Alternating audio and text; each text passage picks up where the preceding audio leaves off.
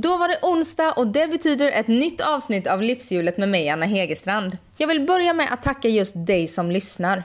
Jag var bra på att hylla mina lyssnare i början av livshjulets historia, men nu var det lite länge sedan. Och jag är så otroligt glad och tacksam över att du vill höra mina avsnitt som ju i förlängningen gör det möjligt för mig att jobba med livshjulet. Tack, tack snälla fina du. Och den här veckan har jag en riktig panggäst om jag får säga det själv.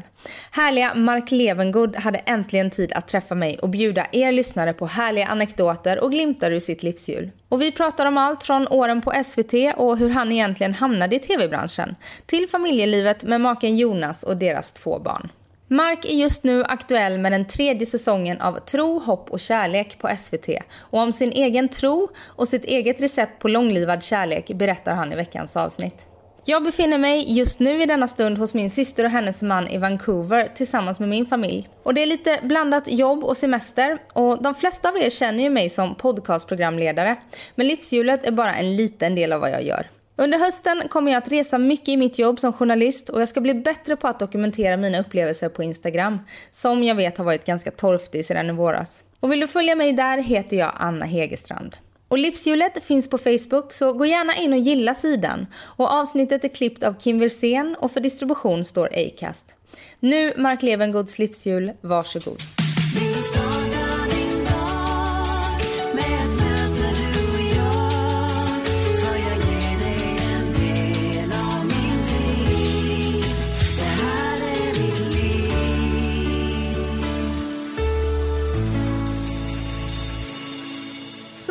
Så, då kör vi. Välkommen hit Mark. tack så hemskt mycket. Tack. Hur mår du då? Jag mår bra. Jag har haft en underbar sommar och ehm, eh, verkligen vilat upp mig så ordentligt. Jag, jag tycker det är jobbigt det där med att gå på semester. För att eh, våren är jättelång och hemskt intensiv för mig och man är uppe i varv. Alla hjulen snurrar. Man är liksom ganska bra på vad man gör helt enkelt.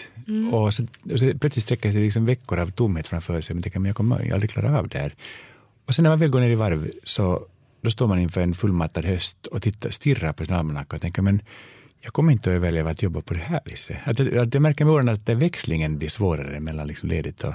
De där kontrasterna. Ja, Har du lätt då när du har varit uppe i varv att komma ner i varv eller tar det alltid ett tag? Och, och Och- sen när du ska upp det, också? det beror på hur du ser på saken. Om, vi- om, om, om vi tar en dag som en enhet, då är det inget svårt att komma ner i varv. Det vill säga att eh, för, både för mig och Jonas är det så att när vi kommer hem och stänger dörren, då är vi privata och arbetet söker sig inte in där. Liksom. Till och med om vi har stora saker nästa dag så pratar vi inte alls om det, utan att vi liksom, att hemma är helt skyddat. Vi gör att, att jag sover gott på nätterna. Eh, men så, här, men så där liksom, att växla från mellan hemskt mycket arbete på dagarna och total ledigt, det, det är det som är svårt för mig. Är det någonting du och Jonas har fått komma fram till eller har det funnits där från början? Det vi har haft från början har väl varit just att vårt hem och vårt privatliv har varit väldigt helgat. Att eh, vi har ju aldrig gjort något hemma hos-reportage. Vi gör aldrig gemensamma intervjuer. Vi liksom exponerar aldrig den delen av vårt liv för att vi båda inser att, att om vi inte kan hämta kraft där, om det också är något som ska vara till allmänt beskådande och allmänt tyckande så vet ingen av oss var vi ska hämta kraft i så fall. Nej. Så det är rent praktiskt. Och det, och det hade vi nog från början. Jag tror det är en sån medfödd integritetssak. Att jag tycker inte att det är roligt om alla människor vet hur min säng ser ut till exempel. Eller, Eller hur du ser ut när du hoppar i din säng? Eller vad jag än gör i min säng så är det inte för alla människor att beskåda. så att det är liksom, en- Ja, det var du som insinuerade. nej då, nej då. Det är, sån- jo, men, men, eh, nej, men det, ja. Jag förstår vad du menar. Ja. Mm. Jag tror också, också när vi har barn, så tänker jag också att, eh, också för deras skull, att, att se till att de får växa upp utifrån sina behov och sina förutsättningar. Och så långt det går slippa stå i skuggan av, av sina pappor till exempel. Så det, det finns många fördelar med att stänga dörren. Mm. Ja, jag förstår det. Har, eh, har du haft en lång semester nu då, Japp. eh, den här sommaren? Det är lyxen i våra liv. Ja. Eh, att, eh, att, jag, att vi har åtta veckors semester nästan.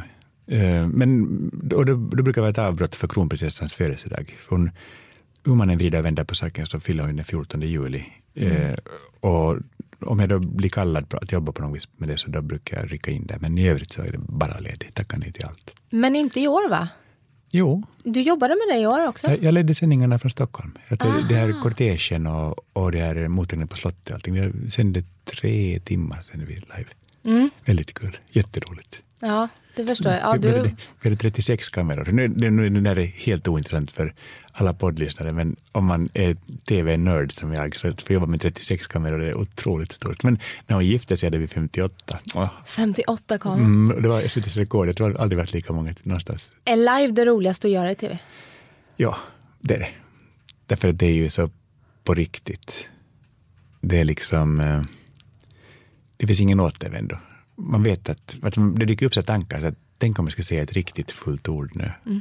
Jag tänker, Lite Tourettesaktigt. Lite Tourettesaktigt faktiskt. Man vet, vet, jag vet att liksom, men genom att göra det så ska jag släcka min karriär en gång för alla. Du vet, att nu att jag lyckas ha mitt Tourettes väldigt litet, så jag, så jag lyckas undvika att säga det.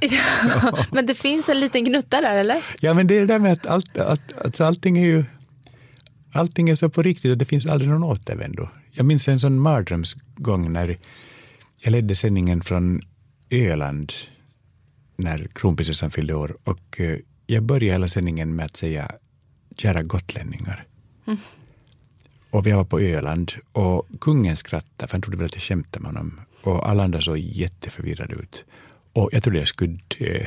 Det var, alltså- det var bara att jag faktiskt hade ett ögonblick av ofok, ofokus. Och, eh, och så fort jag kom bakom scenen så stod liksom så här horder av journalister som sa, men skämtar du med kungen? Jag var, nej, jag är, jag är bara genuint dum i huvudet. liksom, det, alltså jag, jag, jag, jag kan väl skämta med kungen om jag, alltså det är inte, inte men man börjar liksom inte en sändning med att skämta med kungen, utan man måste först skapa en stämning att alla trivs och förstår att, att det finns en vänskaplig bas. Sen kan man skämta. Men, men man Men börjar. hade du fortsatt på det spåret så hade ju inte kungen förstått, för han skrattade ju faktiskt. Han var Jo, den ja, enda som Han skrattade. precis. Ja. Men, men, jag, men jag, tycker det är, jag tycker det är oförskämt att börja en sändning med att dra upp, dra upp ett misstag som de människor gjorde för 30 år sedan. Tänker jag, men det är ju ändå inte, det är inte jag. Nej. Men, men, men, men nu som att det, det kan gå fel Ja. och det är inte roligt. Då tänker jag så här att eh, du har ju en stämpel som du inte alls egentligen vill ha och det är att du är så snäll. Och då tänker jag att Mark Levengood kommer ju ändå undan med att skämta med kungen eller skrika ett fult ord i direktsändning. det är ju en positiv grej med det i alla fall. Ja, det där med snällhet, alltså, inte, inte, det där, inte det där att jag motsätter mig. Och sanningen är att jag är ganska snäll. Men jag är också ganska bestämd. Ehm, och det finns ingen motsättning för mig alls i det där. Ehm, men det är när, man, när folk försöker pressa in en i ett fack där man bara ska vara snäll, där man ska vara någon slags lallande Mumintroll. Det där, där jag känner att, att jag hela mitt liv, liksom, både i mitt privatliv och mitt arbetsliv, kämpar för att få vara den jag är och slippa spela roller. Och att slippa spela, och, och, och, och att då gå in i rollen som någon slags stort gosedjur känns som att det är verkligen inte jag. Varför tror du att du har fått den stämpeln? Jag tror att svenskar har behov av att idealisera några i taget. Och så blev det väl något vakuum där typ Astrid Lindgren dog och sådär. så, så, så, så, Någon måste fylla så hennes måste, skor. måste man tänka, men den där skalliga finnen, han är bäst. så, så försökte de med mig liksom. Men, men, men så sen, jag har ju funnits så länge, jag var med så länge. Och så jag tror att folk uppfattar att de har någon slags relation till mig. Liksom. Och, och det är bra. Eh, och som sagt, jag är snäll. Jag, det är, in- inte jag är elak, det är inte. Nej, du har ju gjort tv otroligt länge och funnits, med, funnits med i folks medvetande otroligt länge. Vad är drivkraften i ditt arbete? Lust. Ren lust. Jag tycker fortfarande det är lika roligt som när jag började. Eh, alltså jag, jag var 16 när jag började på tvn. Och, ehm, och det var en helt annan värld. Alltså dels som programledare var man bara en kugge i maskineriet. Eh, vi skulle veta vår plats, vi skulle vara otroligt disciplinerade. Eh, om, om vi måste ta en omtagning så blev vi utskällda av producenten, alltså verkligen utskällda. Oj. Eh, vi hade en sån luttrad gammal finsk man som var min första producent. Och det enda han sa, min första inspelningsdag, det var att du ska få ett råd av mig. Filma aldrig med barn och aldrig med djur. Framförallt inte om du gör pornografi. Och det var liksom min mediala utbildning kan man säga. Det var, jag håller mig till rådet. Det ja, det är ju liksom bra det i alla fall.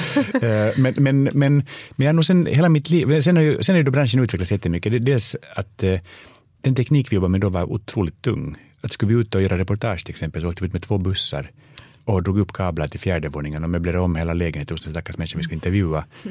Eh, och idag kan, jag, idag kan jag åka runt jorden med en fotograf som sköter både, både ljud och bild. Och vi kan komma så otroligt mycket närmare intervjuerna. Man kan liksom, folk är ju helt, mycket mer avslappnade mm. när det är så lätt. Vilket att, det, att, varje, att varje steg av teknisk utveckling för mig var en njutning. Eh, och eh, det möjliggörs så hemskt mycket. Nu, nu är det därför jag jobbar med folk som William Spets till exempel, som jag fått filma med. Och eh, han öppnar upp liksom hela den där sitt sätt att tänka och se på Youtube och sånt liksom. Och, och jag bara, kan bli så avundsjuk. Tänk, tänk om det finns den fast Men samtidigt så är jag så lycklig att jag har fått, göra, fått vara med på den här resan. Ja, så. det är det jag tänker. Man skulle väl kunna åka jorden runt med en mobilkamera i princip? Det skulle du kunna. Jag tror inte att det skulle hålla riktigt ännu för sändningskvalitet. In, mm. in, in, alltså för, för inslag skulle det hålla, men inte för, inte för ett program. Det, det skulle bli lite för pixlat. Ah, okay. men, men vänta några år så blir det på det viset tror jag. Ja. Det är häftigt. Ja, det är det otroligt häftigt. Men, men sen har jag också haft det att jag, jag är lite så växelbrukare. Att när jag gjort mycket tv så brukar jag gå in och göra radio ett tag. Mm. Och jag har gjort mycket radio så går jag in och skriver lite böcker lite. Att jag, att jag går lite mellan olika saker. Men, men jag har lyckats få förbli ganska inspirerad och gå till jobbet och tycka att det är jätte, jätteroligt. Och det är ju en ynnest. Ja, verkligen.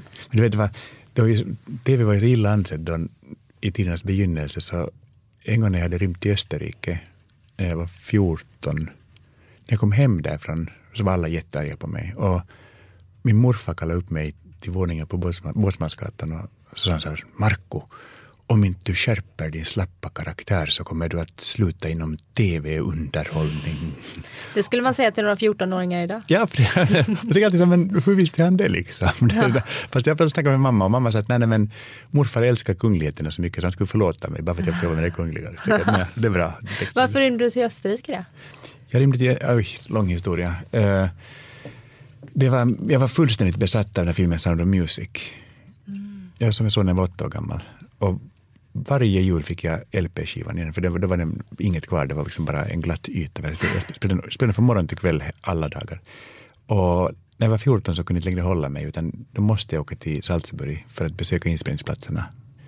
Och jag visste, jag visste att jag inte skulle få tillstånd till det, så jag hade en, eh, ah, jag ska inte säga att han var pojkvän, men han var en liten, vad säger man, friends with benefits, jag menar, mm. eh, som, var, som var 16 och han var hemskt lång. Och han köpte ut ett tågluffarkort för att folk trodde han var 18. Så jag åkte på hans tågluffarkort och åkte till Österrike. Jag ringde hem till mamma, så nu är jag i Salzburg. Och mamma var helt galen. Hon, hon sa att ja, när du kommer hem ska vi hitta ett riktigt bra barnhem åt dig. Men hur som helst, det, det, var, det, var, det var en underbar resa. Men, men sen när jag kom hem därifrån, det var då som alla var arga på mig. Så, mm. Var du lynnig när du var liten och gick din egen väg? Lynnig var jag inte, men gick min egen väg, det gjorde jag. Mm. Eh, lynnig har jag aldrig varit, alltså i bemärkelsen att Gjorde saker dumt. Ojämnt humör är för mig Nej. lynnig. Men, men, men eh, jag har alltid faktiskt gjort nästan som jag vill. Ja. Och jag var också på det viset löst hållen. Vi var fyra syskon och en trött mamma. Mm. Eh, så vi kunde göra lite hur vi vill. Liksom. Eh, men, men vi kött, alltså jag köpte mig alltid, inte, inte var det det. Men däremot så har jag alltid haft svårt med auktoriteter, det är fortfarande. Jag var inte bra i skolan för jag tyckte att lärarna, jag trodde inte på dem, jag tyckte inte de var kul. Jag, när jag var anställd hade jag jättesvårt med mina chefer. Um, för jag tyckte att de inte lär vara kul. så, så, så, jag, var nog, jag har nog varken varit lätt som elev eller som anställd tror jag. Utan jag, jag trivs bäst med att få göra lite som jag vill. Ja, idag är du frilans. Idag är jag frilans, ja. Det är mm. ljuvligt. Ja. Men, uh, Visst är det det, att vara sin egen chef. Det, det, det som är kul nu är att, att min skola i Finland fyller år. Och, um, och så ringde de och frågade om jag i egenskap av skolans enda stolthet skulle kunna hålla ett tal. Och jag sa, men nu skojar ni, för det är en stor skola, att det måste finnas någon annan ni är stolt över. Och de sa, jo det fanns en till, men han var det. Han gick liksom mm. åt. Eh, så nu du är bara kvar. Liksom, mm. Och jag blev så smickrad så tackade jag. Sen visade det sig att det är gymnasiet som fyller år. Och grejen är att jag fick sparken på ettan gymnasiet. Mm. Och så tänker jag, men vad ska jag säga i det talet? Ska jag säga nu passar det. nej, nej, nej, inte så mycket så, men jag, jag vet ju också att, att orsaken till att jag fått ha en kul och spännande karriär är ju också att jag faktiskt började tidigt och att jag gick in så mm. hårt från början. Liksom. Mm. Så mitt glada budskap är att vill ni också ha roliga liv, sluta för guds skull så fort ni kan. Det blir liksom poppistal. ja, och, och, och samtidigt, jag, jag, idag är jag ju pappa och, och jag skulle inte vilja hålla det för mina alltså, alltså det där för mig funkar det. Mm. Men jag tror för guds skull inte att, att vad vår bransch idag behöver är folk som är helt oskolade. Det är inte liksom, så att, så att jag, jag, kan inte heller, det ska bli hemskt spännande, jag ska verkligen fundera på det. Nu. Samtidigt som det finns ju så otroligt många möjligheter idag. Det är många som inte går klart gymnasiet och som hoppar av skolan för att, för att bli entreprenörer och satsa på sina drömmar och sådär. Mm. Det är häftigt för alla är inte läshuvuden heller. Sen så kanske Nej, man inte ska uppmuntra att inte gå klart gymnasiet. Men... Nej, alltså, men du har helt rätt i det. Och jag var, var på ett sådant, eh, eller jag höll tagit ett sådant Anders Wall-seminarium eh, där han hade kallat dit några av världens främsta entreprenörer och jag skulle då intervjua dem. Och det visade sig att det som alla hade gemensamt var att alla hade brutit skolan, skolgången. Mm. Så ingen hade gått färdigt. Eh, och det är klart att det finns någonting att hämta i det. Samtidigt så tänker jag med mina egna barn att men skaffa nu gymnasieutbildning. För att har du bara den, sen kan du pausa och göra saker. Sen kan du liksom och vänta och, och, och försöka lista ut vad du vill göra. Men, men att du har en grund färdig idag. Mm. För att världen är annorlunda idag än den var när jag växte upp. Mm. Hur gamla är dina barn? 14 och 9. 14 och 11. 14 och 11? 14 och 11, ja. ja. Ja, men de är ganska stora då. Mm. Mm. Ganska fina. Ja. Hur är du som pappa? Mm, jag är väldigt mån om att mina barn ska förstå att de är älskade. Jag är väldigt eh, fysisk. Jag, eh, jag vet ju som Unicef ambassadör också, att det är två saker som barn behöver för att få en bra uppväxt. De behöver fungerande rutiner, det vill säga att de vet vad som förväntas av dem och vilka ramarna är för deras vardag. Och så behöver de kärlek. Mm. Eh, och rutiner är jag ingen bra på. Men jag, jag, gör så, jag, gör så, jag gör så gott jag kan. Men kärlek det är jag jättebra på. Så att det är liksom, våra barn ska banne mig veta att de är älskade för vad de är. Och att de inte behöver liksom prestera någonting för att få kärlek.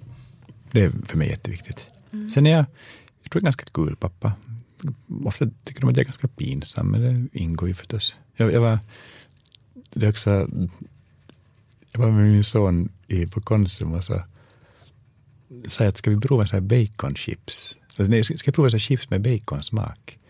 Och han tittade på mig och sa, men pappa, förstår du överhuvudtaget vem jag är?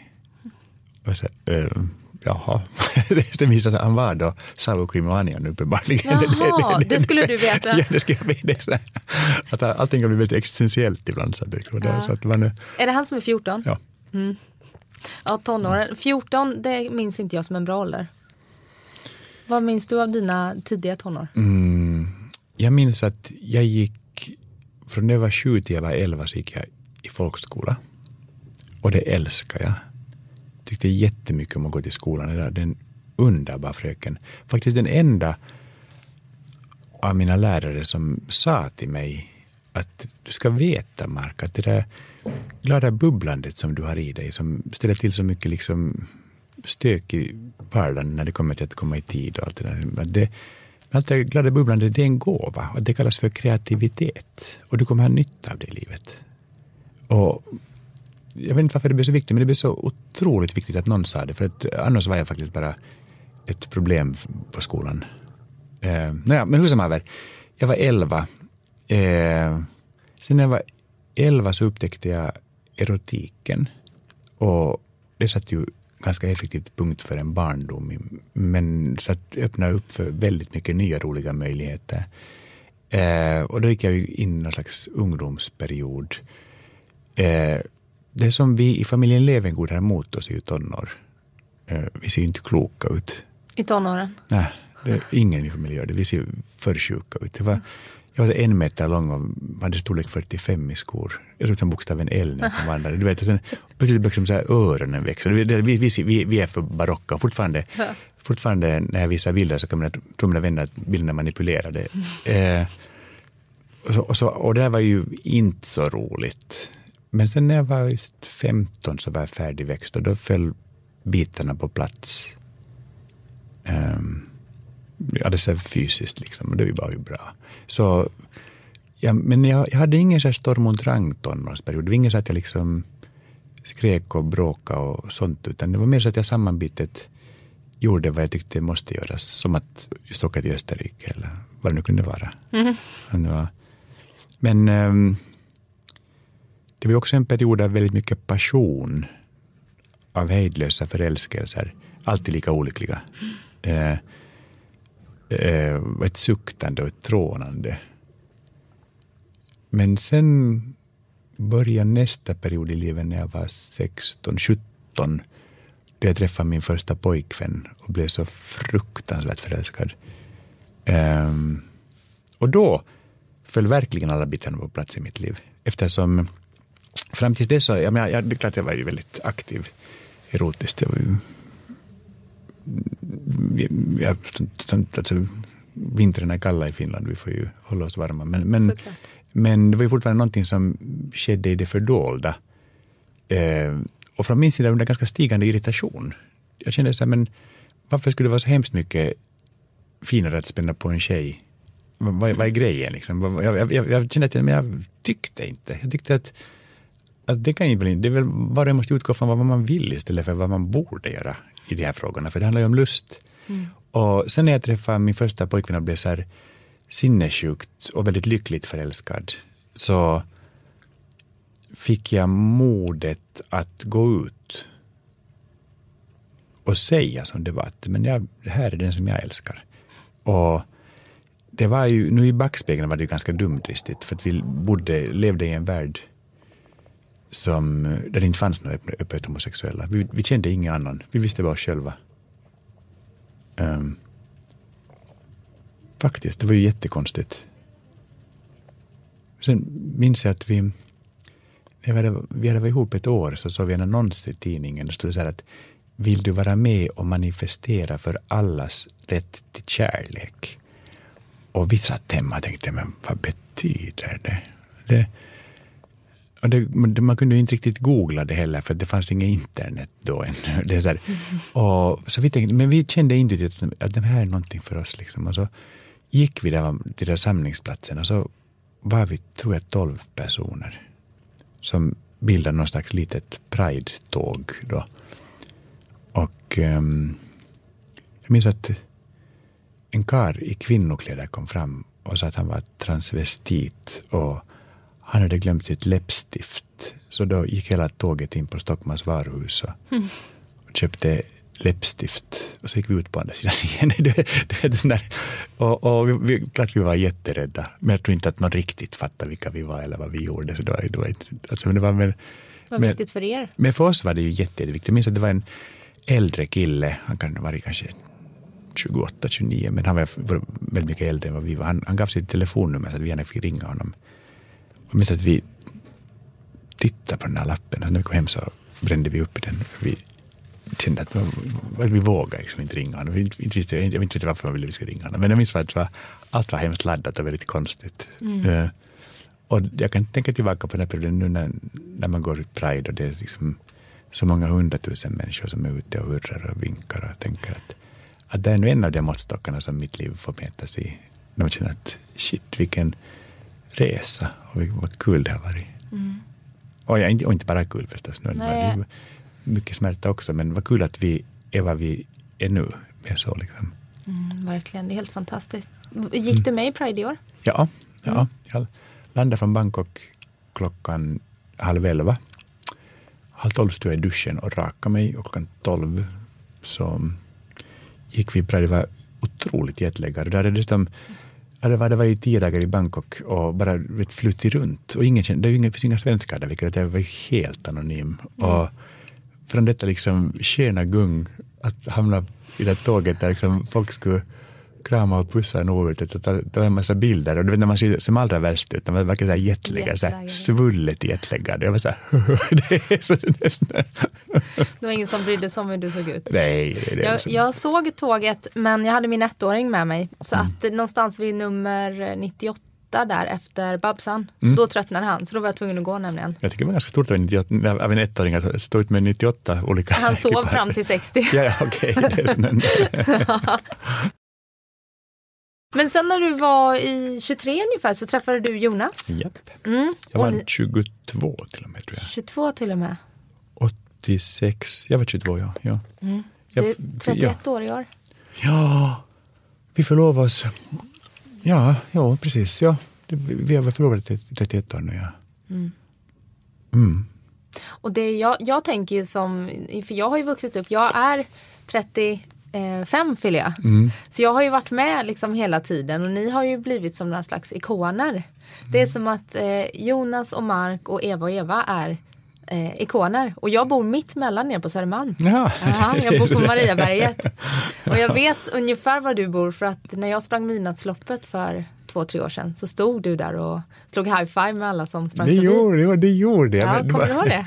Jo, jag minns det väldigt väl därför att jag hade arbetat någonstans. Jag, hade, jag var klädd i full gala, mm. en scenkostym på mig och min familj var på landet. Mm.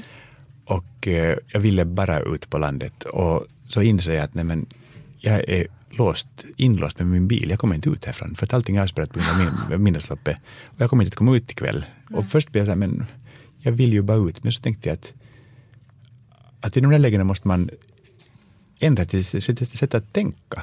För att man måste göra någonting tråkigt så måste man göra någonting roligt. Och så tänkte jag, när jag ställer mig här och hejar istället. Mm. Och så började jag high five till folk och sen blev det folk, ja, folk var på jättegott humör. Jag fick en massa kramar och jag hade, jag hade jätteroligt själv. Men jag stod säkert en timme, jag tror jag. Ja, jag, jag, jag hade ont i handen kom jag efteråt. Och, och de ringde faktiskt och tackade från loppets sida och sa att det var så många som hade sagt att det var, att det var kul att jag stod där. Ja, det blev som en attraktion. ja, jag kommer ihåg det. Vi, var, vi sprang teater, eller utklädnings... Um, delen. Så vi var utklädda till hippies och ja. eh, hade vin istället för vatten i vätskebältena.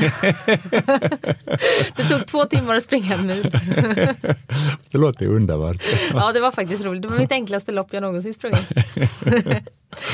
Men mm. du är ju aktuell nu med, som programledare i eh, För tro, eh, hopp och kärlek mm. Mm, på SVT säsong 3. Yeah. Och jag satt häromdagen och kikade på det här sökprogrammet mm. och då så såg jag han den första killen som heter Filip. Mm. Eh, och då sa du, du frågade honom hur ska man göra för att växa tillsammans istället för att växa ifrån varandra.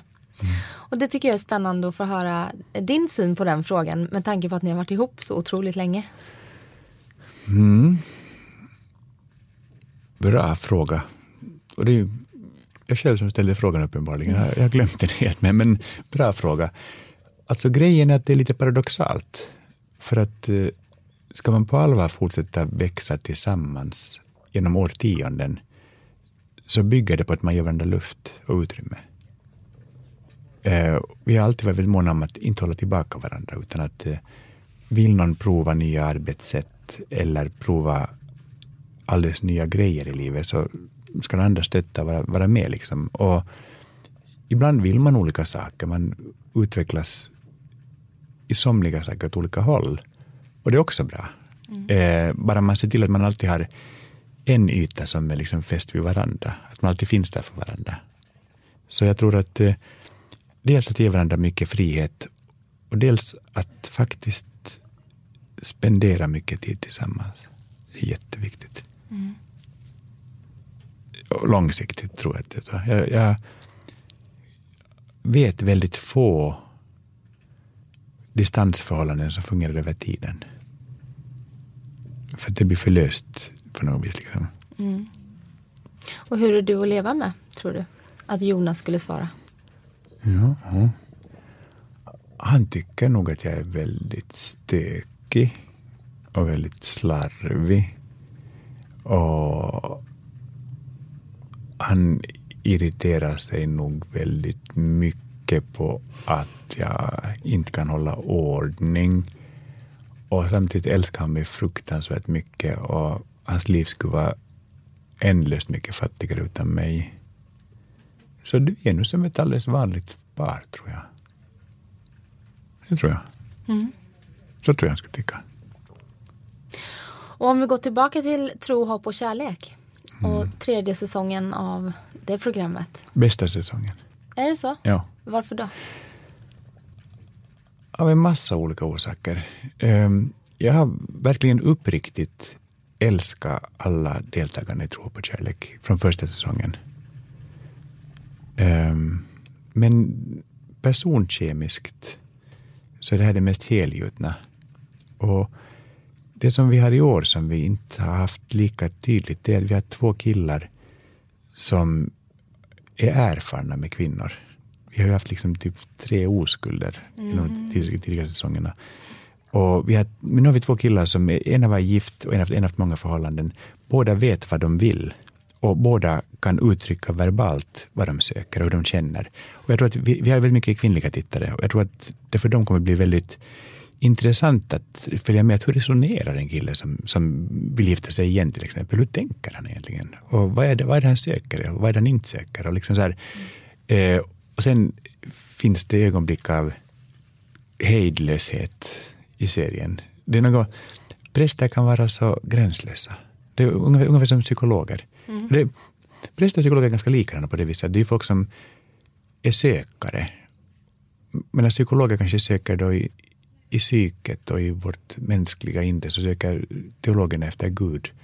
Men, men, men om man uppriktigt söker så kan man ibland acceptera väldigt märkliga svar. Och det gör att de blir väldigt roliga att vara med. Och ibland så blir saker väldigt knasiga på ett sätt som får mig att skratta jätte- jättemycket. Så det finns ögonblick som är oerhört roliga i år. Och så finns det ögonblick som är väldigt gripande också. Det är en väldigt bra säsong, så är det. Så är det. Ja. Var, är det svårt att få eh, deltagare till programmet? Hur omfattande är castingprocessen?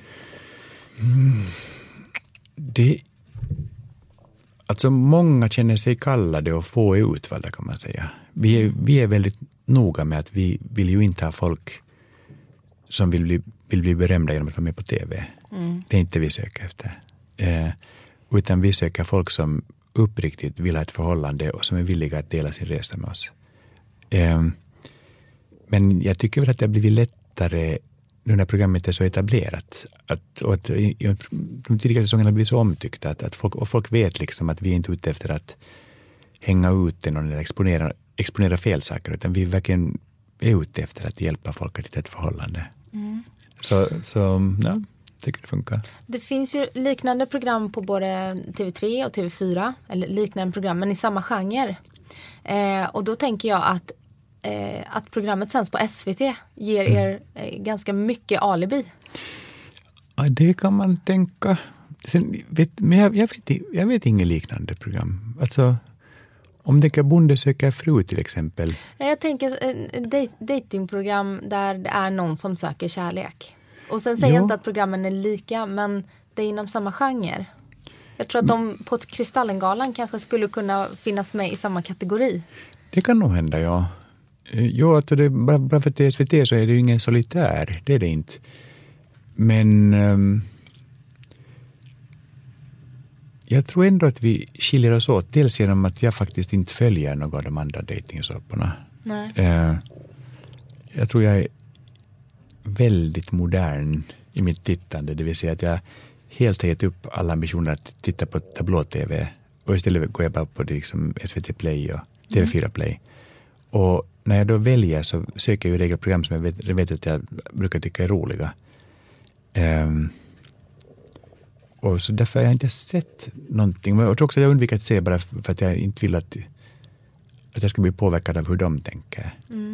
För att, men en av nycklarna för oss det är också det att, att vi vill inte alls tvinga folk in i förhållanden framför tv-kameror. Utan, för det, vi vet ju att det kommer en dag ganska snart då tv-kamerorna släcks. Och ska du då leva med konsekvenserna av ett beslut du gjort under press så blir det inget roligt för någon. Liksom. Utan, utan vår ambition är att visa tittarna att fast man har varit singel ganska länge så kan man komma igång igen och då kan man till exempel göra på det här viset. Det vill säga bara, bara att få dem att påbörja resan. Det är det som för oss har varit viktigt. Sen, sen, har vi, sen har det uppstått kärlek, det var ju jätteroligt.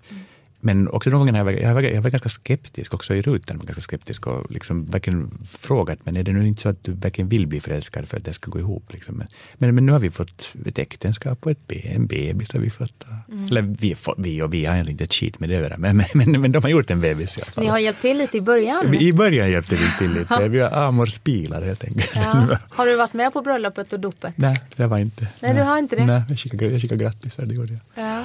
Ja, nej, nej, nej, för det är så att jag tänker så att vårt arbete är gjort och nu är det deras riktiga liv som ska ta vid istället. Så jag mm. känner att nu får de gå sin egen väg. Mm. Hur ser din egen tro ut?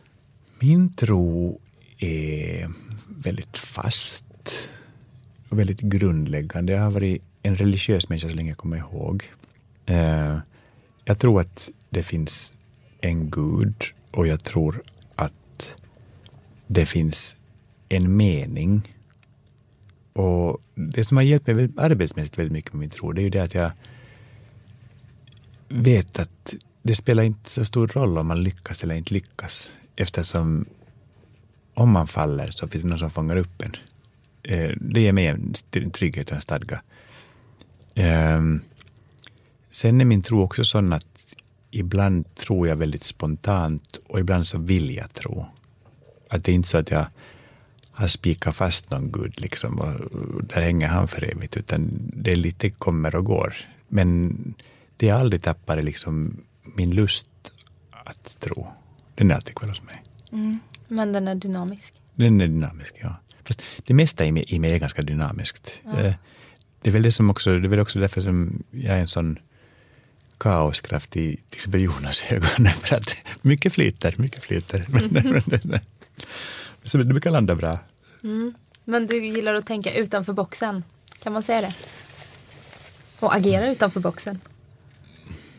Alltså att säga att jag tänker utanför boxen skulle vara att kasta in gästen efter egen. Ja, det har aldrig varit någon ambition.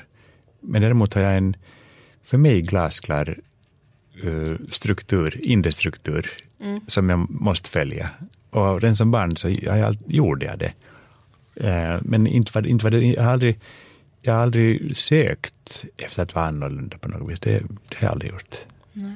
Men jag har inte heller velat ge avkall på vad jag tänker och tror riktigt. Mm. Nu, nu låter jag otroligt jobbig, men inte jag jobbig heller på det viset. Men, men det är nu bara... Nej. Jag, men sen, alltså, framförallt familjen Levengood, som uh, kan kartläggas i 1500 någonting. Ehm, de är jättekonstiga. Och vi har alltid haft en pendelrörelse mellan väldigt grav alkoholism och religiös extas. Ehm, och jag är väl en av de få genom dessa århundraden som har lyckats balansera upp dessa, dessa element mot varandra lite. Liksom det, jag, jag minns Nej, mitt första program hette Mark och hans vänner. Och, och jag hade liksom alltid berättat riktigt till min pappa och mina släktingar i Amerika att jag mm, höll på att bli känd och sånt. För det föll liksom utanför liksom deras liv så mycket. Men, men då fick jag falla med mig en VHS-kassett och så visade jag ett program till dem. Och, och då var det en vignett där liksom bokstäverna dansade in och så stod det så här Mark Levengood och hans vänner. Och de bara stirrade. Och, och sen sket de i resten av programmet. Men de ville bara prata om den där vignetten. Mm. Alltså, men vad är det? Jo, men de sa att det, det är första gången på 400 år som namnet Levengood förekommer i ett sammanhang som inte är ett domstolsprotokoll. det, var, det, var, det var det enda de kunde fokusera på, att det var liksom en anständig... Du har bidragit till familjen. ja, faktiskt, anständigt sammanhang. Och nu känns det som att eh, eh namnet Levengood har eh, funnits i andra sammanhang väldigt, väldigt många gånger. Det har ju blivit så med åren, ja. Mm. ja. Det, det, det, var någon som, någon som jag träffade en kvinna, hon sa, men vadå, folk säger att du är amerikan. Jag sa, jo det är jag ju. Nej men det, vadå, Levengood, det är ju ett finskt namn. Jag sa, nej, om du tänker efter så är det inte speciellt finskt med Levengood, utan det är nog... Hon var så fokuserad på att, liksom, att jag måste vara från Finland och ingen annanstans ifrån. Det är så, men, nej, men jag är hälften finne, hälften amerikan, så är det. Mm. Och hur, vad har du liksom för koppling till USA? Var bor din Pappa bor i Lakeland i Florida. Mm. sen är mina kusiner och mina fastrar utspridda. Vi, vi, vi kom till Pennsylvania 1732 och där har vi haft vårt fäste all, genom alla år. Så, så, och där bor fortfarande en faster kvar nu. Farmor dog ju för några år sedan. Och hur kommer det sig att, eh, blev din pappa kär i en kvinna i Finland då? Ja, jo, um, det blev han ju. Men det är också en lång historia. Alltså, pappa kom från, min farmor var väldigt fattig, för min farfar rymde. Han var sannligen god, så lämnade henne med fem barn. Och, eh, för pappa, fick ingen riktig skolgång. Men så kom han, så han var så fysiskt väldigt exemplarisk. Han hade bra, så, så bra ut och var stark. Och så så han, han blev antagen till Marinakademin och så gick han ut som kursetta. Och då fick han välja var i världen han ville bli stationerad. Och då var det att komma till Finland. Åh herregud, varför väljer man att komma till Finland? Det är en väldigt bra fråga och svaret är tyvärr väldigt banalt. Eh, pappa tog fel. det, det alltså, han tog fel på Fiji och Finland. Det, är det, sant? jo, han har erkänt det en gång. Men det är så, det är så, det han, att han, han, han älskar värme, pappa hatar kyla. Ja, väl, men väl i Finland så Pappa är ju lite som jag på det viset, han är ganska företagsam. Och när han jobbade på ambassaden som marinsoldat så fick han tillgång till taxfree sprit och då öppnade han en liten, liten nattklubb i ambassadens källare. Och mamma kom dit och dansade. Och så dansade de tryckare. Och då blev hon gravid. Ja. Genom en tryckare bara sådär? Jo, så var det. Att det var, mamma var otroligt oskuldsfull. Mm. Hon, var, hon har berättat att när hon fick sin första månatliga blödning så blev hon så vettskrämd och så sprang hon till min mormor och sa att mamma, varför blöder jag? Och mormor sa, kära barn, det har jag absolut ingen aning om. du vet, det var frukt, allt var inte bättre för Nej, verkligen inte. Så, tänk min oskuldsfulla mamma och min ja. ganska drivna pappa, det, så blev det liksom. Så ja, att, han tog henne med storm där. Han tog henne med storm, ja precis. Ja, på på många sätt. Ja, precis, ja, alltså då, ja, Men är du, är du mycket i USA? Ja, det är jag. Det jag är väldigt släktkär. I Florida? Florida, ja. Mm. ja. Och, jag också mina, besöker mina fastrar ganska mycket och alla mina kusiner. Och jag, liksom, nej, jag är väldigt släktkär människa, så jag både mycket i Finland och i Amerika. Mm. Och eh, Du bor ju med din familj på Södermalm, mm. som vi redan har konstaterat. Eh, och sen så hade du ett hus på Solsidan. Mm. Som, eh, eh vi behöver inte ta hela historien. Om man vill höra den historien så kan man lyssna på en annan intervju med dig, eh, min kära vän Nemo Hedén. Mm. Nemo möter. Ni gick igenom det här att du fick ett hus mm. av en väldigt eh, rik man.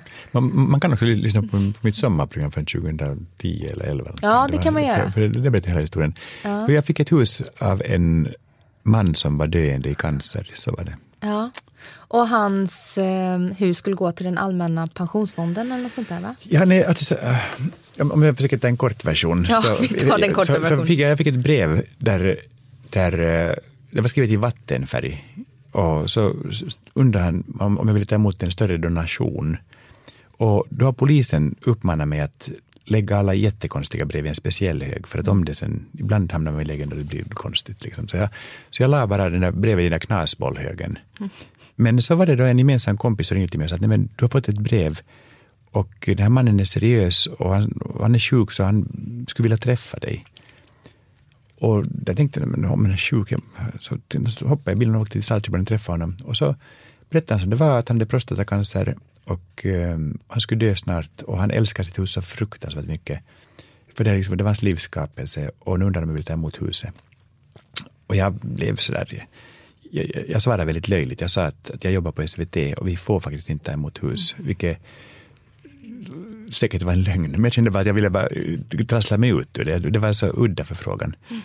Men eh, hur det var så hängde vi den sommaren lite, jag hjälpte dem med lite grejer i trädgården och sånt. Liksom. Och, och sen när hösten kom så då sa han att nu är det så att nu blir jag sjukare och så här är det att antingen tar du emot huset och gör mig lycklig eller också så går allting till allmänna, arvsfonden och det vill jag faktiskt inte. Så var det, inte pensionsfonden. Nej, nej och, och, och det var då jag började tänka, herregud han är allvarlig. Så sa jag, så sa jag okay, men jag vet inte hur det funkar, men vi, vi, vi, vi gör så att du, du får ha en advokat och jag skaffar en advokat och de får prata sig samman. För, jag, för mig är det jätteviktigt att, att det inte framstår som att jag går att ta emot hus av folk som är döende. Du vet, alltså det, mm. jag, jag, vill inte hamna i en sån shady business där liksom plötsligt mm. blir allmän arvtagare till, till löst folk. Liksom så eh, eh, men de satte sig, advokaterna, och bankade igenom allt och Så sen visade det att det fanns inga regler som sa att man inte får ta emot hus. Och han hade inga släktingar.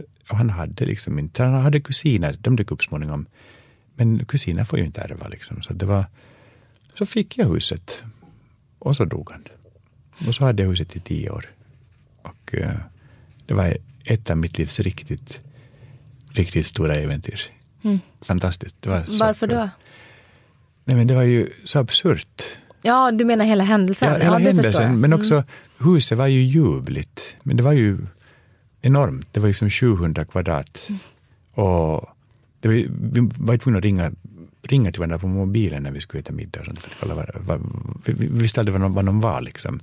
Men det, var, du vet, det, var, det fanns en japansk trädgård och det fanns en rosenträdgård och så fanns det ängar som bara var bara var planterade med örter till exempel. Så fanns det en fjärilsäng som bara var, bara var liksom dofter som lockade till sig fjärilar. Det var så otroligt mycket fjärilar. Det var, det, var, det, det, det, det var ju som att gå runt i en Disney-film. Ja, jag förstår det. Hur skötte ni om det här huset? Jag fick ha personal. Ja, du hade personal ja. som... Ja. Och, eh, och det gjorde ju också att jag menar, jag, jag, jag tjänade ganska bra med pengar i mitt liv, men det var tio år där jag ständigt gick på minus. Eh, det för att det, det, så var det. Så var det. Det, var, det var också småningom en orsak till att, att, jag, att jag sålde, att jag kände att, att jag kan inte bli gammal på det här viset. Jag kan, liksom jag kan inte jobba så hårt. Nej, eh, för att ha råd med personal till huset. Nej, precis, faktiskt. Så att, eh, var det en sorg att behöva sälja? Ja, no, det var lite vemodigt. För det satte ju punkt för ett enormt roligt kapitel i mitt liv. Mm. Men samtidigt så möjliggjorde det en massa andra saker. Och jag tror det är otroligt viktigt i livet att man avslutar kapitel för att börja nya. Mm. Att man inte bara förvaltar, utan ständigt går mot nya mål och nya äventyr. Så att i backspegeln så är det nog bara en lycklig saga för mig. det där. Men, men just då det är det klart att det var sorgligt att gå runt i rummen och säga ja, det var jättesorgligt. Mm. Men så är det. Mm, så är det. Mm. mm. Ja, men det är ju en ja, otroligt häftig historia. Ja, den är väldigt fin. Och det var också, vi, vi fick gå runt och nypa oss själva i armen där hemma. första åren där ute, men mm när ska den här historien ta slut? Liksom? Eller, när kommer någon att säga att det inte var på riktigt? Liksom? Du vet, ja. det, var ju så här, för det var, det var för osannolikt. Jag minns min ekonom, hon nästan grät när jag fick det huset. Hon sa, men det är inte rättvist att någon som en sån idiot med pengar som du blir så rik. det var så, jag var så, ja, så är det, livet är inte rättvist. ja, men du har en ekonom som hjälper dig att förvalta pengar i alla fall. jo, jo, jo. Jag, jag är, pengar är inte alls min grej. Jag är hopplös, hopplös, hopplös. Ja. Men det också för familjen Levengood. Det, det, kommer därifrån med. Så är det. Så är det. Och vad skulle du säga att du står i livet idag, på tal om det här med att eh, påbörja nya kapitel och avsluta? Jag är 53 år gammal. Mm. Jag hade hoppats att någon skulle ha sagt till mig hur roligt det faktiskt är att vara 53. Mm. Det var ingen som någonsin säger att det är roligt, men det är jätteroligt. Det är man har småningom hittat ett lugn. Man är fortfarande stark och pigg nog för att orka göra vad man vill. Man lär sig skita i saker som man aldrig kommer att bli bra på eller bemästra och märker att det går precis lika bra det också. Liksom. Och så fokuserar man istället på det man vill göra. Mm. Det enda är väl när man passerar 50 att man lite kan skymta ett slut jag menar som Micke Nyqvist som gick och dog nu till exempel, Gösta Ekman, han var, Gösta, Gösta var ju äldre, men det är ändå två människor som har funnits där i mitt liv som plötsligt är borta. Mm. Uh, och det där kan man dels känna att oj då, det var ju sorgligt att det finns ett slut, men dels så blir det också en ganska nyttig piska, för då tvingas man tänka att men vad, är det jag inte gjort, vad har jag inte nu gjort? Vad, är det, vad finns på min bucketlist mm. som jag måste göra? Um, och sen ibland kan jag tycka så att det är lite skönt att det finns ett slut. Att det finns ett mål. Men jag hoppas bara att mitt mål ligger väldigt långt fram. Och vi, vi brukar bli hemskt gamla. Um, så jag hoppas att det gäller för mig också. Mm. Och ett sätt att bli väldigt gammal är att försöka ta hand om sig mm. eh, och sin hälsa. Är mm. du bra på det? Ja, det är jag. Jag, är, jag har ända sedan barnsben ett eh, alldeles fysiskt behov av att röra på mig. Mm. Att motionera, att springa, att träna. Och om inte jag tränar så blir jag jätterastlös och sover väldigt dåligt. Så att, eh, och, och, att träna för mig är inte ens någon uppoffring, utan det är bara någonting jag gör. Um, och belöningen är ju att man får en stark kropp som möjliggör att göra vad man vill. Mm. Och sen också, alltså praktiskt, jag, jag har så hemskt mycket kläder som är uppsydda för mig. Men det bygger ju på att jag inte blir fetare. Ja. Nu, nu ska ni få ett råd. Tada! Mitt enda råd. Jag, jag, jag har två råd. Detta har livet lärt mig. Min kompis Pirjo, som är naprapat på Operan och är otroligt skicklig, hon säger att man ska aldrig väga sig. Därför att vikt säger absolut ingenting, det handlar bara om mängden vatten i kroppen. Vad du aldrig ska gå med på det är att byta byxstorlek. Mm. Så om byxorna spänner, då får du väl checka lite mindre tills de sitter bra igen. Mm. Det var mitt ena tips. Tada! Nu kommer mitt andra tips. Marks andra tips, hushållstips. Om du får rödvinsfläckar så ska du strunta i salt, för det har aldrig funkat. Det enda som hjälper, men som också hjälper omedelbart, det är vitt vin. Så att gnugga vitt vin på rödvinsfläcken och vips är den borta och kommer aldrig mer tillbaka. Och det, är det sant? Ja, det är så enkelt och det är så dumt. Det har jag aldrig hört. Nej, men det är det enda som funkar. Nu har jag sagt allt vad jag har att säga. vilket, också, vilket också öppnar upp för att man alltid ska ha vitt vin hemma. Man ska alltid ha vitt vin hemma. Man kan, man kan ha en liten box av, av hushållsorsaker. Och med de fantastiska tipsen så avslutar vi idag. Och tack snälla Mark för att du tog dig tid att komma hit. Tack, det var kul att vara här. Jätteroligt. Ja, jättekul. Och eh, lycka till nu med allt på din bucketlist. Tack. Ja, det finns en del saker där. Mm. Mm. mm. Hej då. Hej.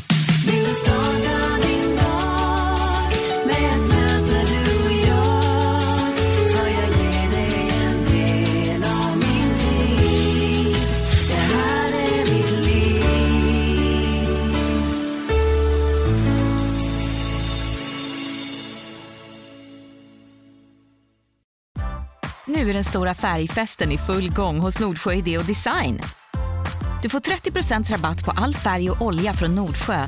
Vad du än har på gång där hemma så hjälper vi dig att förverkliga ditt projekt. Välkommen in till din lokala butik.